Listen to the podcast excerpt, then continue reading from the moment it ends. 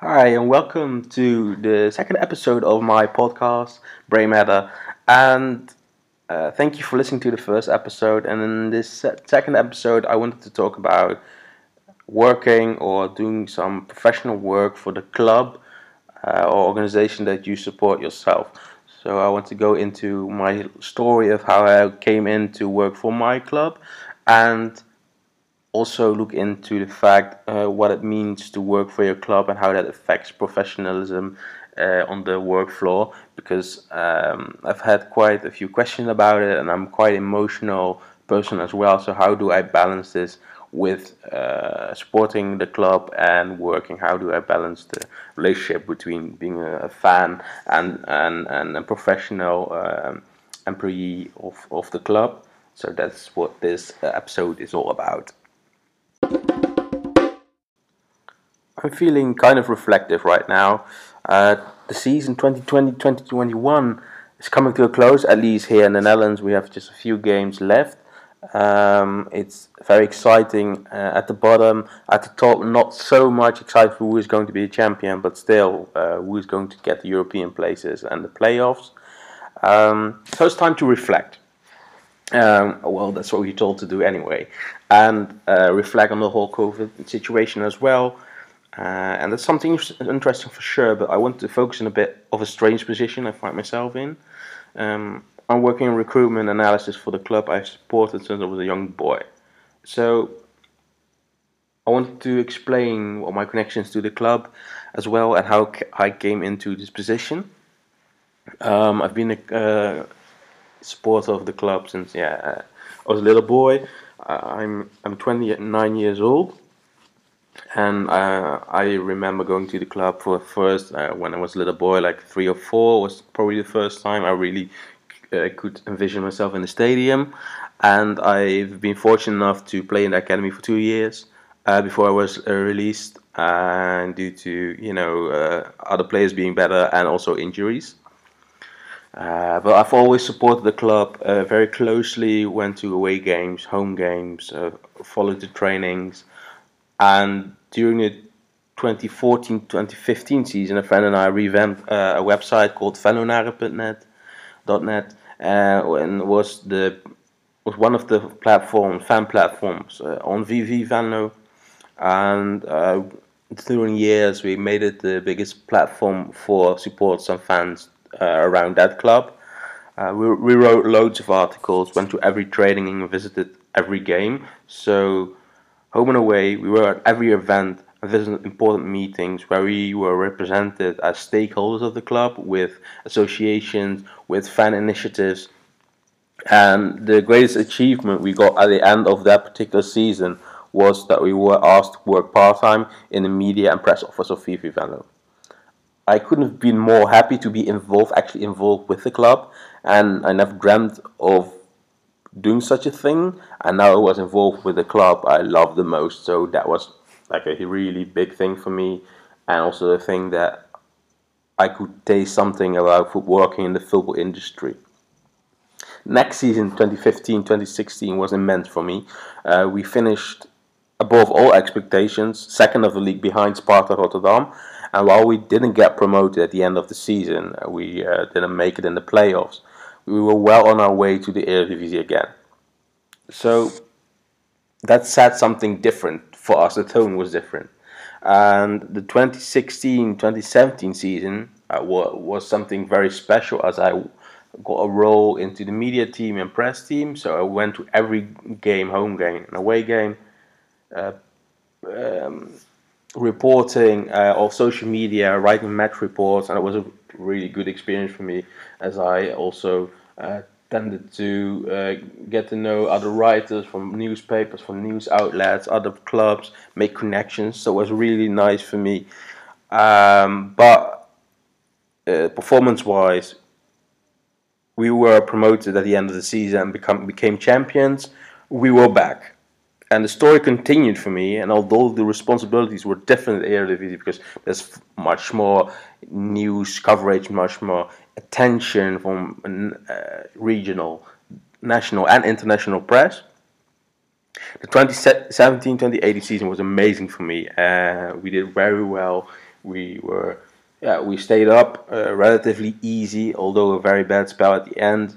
Uh, but was also last season I was involved in the capacity with the first team uh, of being a media press uh, officer.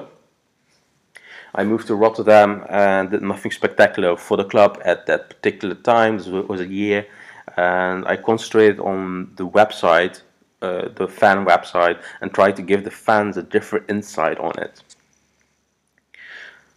Come season 2019-2020, which was a turning point for me, uh, the club had asked me to be involved in a media officer role with the reserves under 23 team. I had no idea what to expect, but I was still glad to be involved. Uh, perhaps it has been a role where I've learned the most. Uh, I was not only tasked with writing match reports, social media reports, and the occasional interview, but also got experience in filming matches and was really part of the of the staff. So discussion on the bus about tactics, formation, specific roles always present. Uh, I felt really included as I was included in the talks, but also were asked on my opinions on tactical stuff.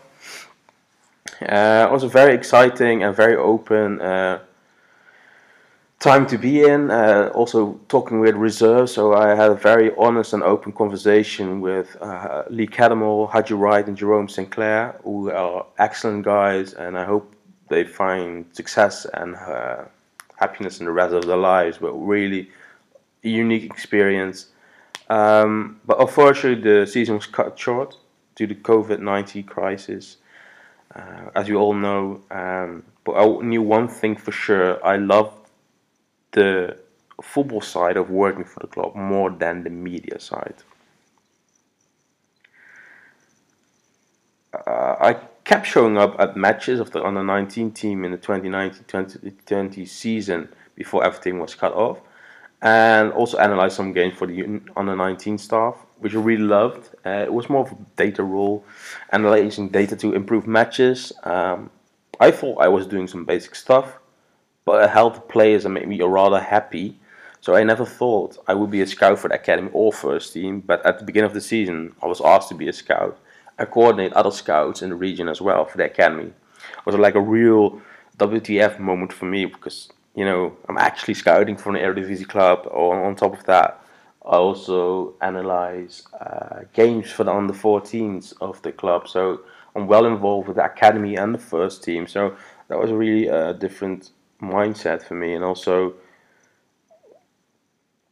uh, recognition of my work that I'm good enough or adequate enough in my in my role in my qualities to keep continuing working with a with a side that that plays in the Eredivisie.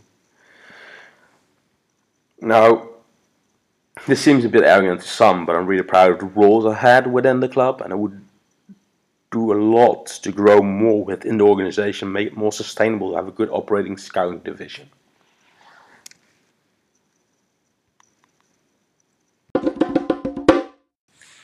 So this all feels very good, and uh, I'm very grateful for the opportunities given. And it's all fun and games when things are going great with the club and you're supporting and you're working for it, but the results have not been too positive in the majority of the 2019-2020 season and this season obviously um, we escaped relegation the last season um, by a good run in the end before the break the, before the season was cut off.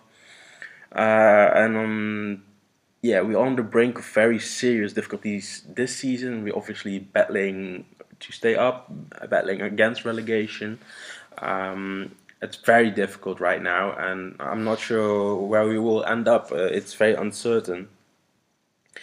Um, but for me, in my role, the club have never issued anything that would forbid me of talking about the club. But it's really a strange thing to do because sometimes I just want to jump in and see some opinions or conclusions that I'm not not really agree with or disagree with uh, completely, or just stupid things of people who don't know what's going on. Um, yeah, but you can obviously can't do that uh, because you are giving some information away that isn't there for the public to know. And also, yeah, you have to protect the integrity of the club, the players, the staff, and so forth. I used to love have proper discussions about players, formation, tactics, and the way the club was run. uh, obviously because I run a supporters platform, fan platform, but that has changed. Being more involved with data scouting and analytics means that you look at the game differently and to talk with people who purely support a team without wanting or having the data is a whole different spectrum and discussions become different. For example, if I go to a stadium with my friends, um, they just want to see goals and win and, and, and work, work the players work hard for, for the games they play for the for the club they, they play for and I'm just looking at the you know how is the formation set up how do they press? How they they play in in possession of the ball and without the possession of the ball. And that's a different thing when I'm discussing things with my, with my friends. They yeah they don't see uh, the kind of things I I'm used to see or I, I tend to see. So that's yeah a little bit different and a little bit hard sometimes. Obviously, I'm still a fan, and sometimes I like to push my own agenda supported by data, but who is it helping anyway? Uh, no one. So sometimes it's hard to make a distinction between analyzing and doing something as a fan. Could I talk about my club on social media? I could, but would it be wise? I don't think so. Perhaps if I were only to present data dashboards or something like that, but it feels strange to do that. In the end, I just want my club to succeed and win and you know stay up and look forward to having another season on the top flight of the Netherlands. Uh, perhaps in the future it will change. Perhaps I will I will look for different roles. I go to another club, and you never know where the future lies for me, and especially in the football industry, you never know what's coming up. But um, I'm a scout analyst first at the moment, then a fan, and that relationship should always benefit the club and not myself.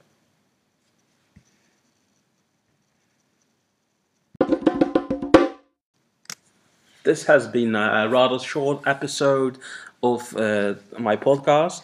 Um, feel free to you know uh, give me feedback, or if you have any questions, you can always ask uh, to me. Uh, hit go into my DMs or just uh, send me a tweet.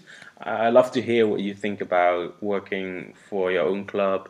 Uh, are you work for your own club, or would you like to work for your own club, and what difficulties will that bring with them? you think? And thank you again for listening, and I hope you have a lovely day. Bye.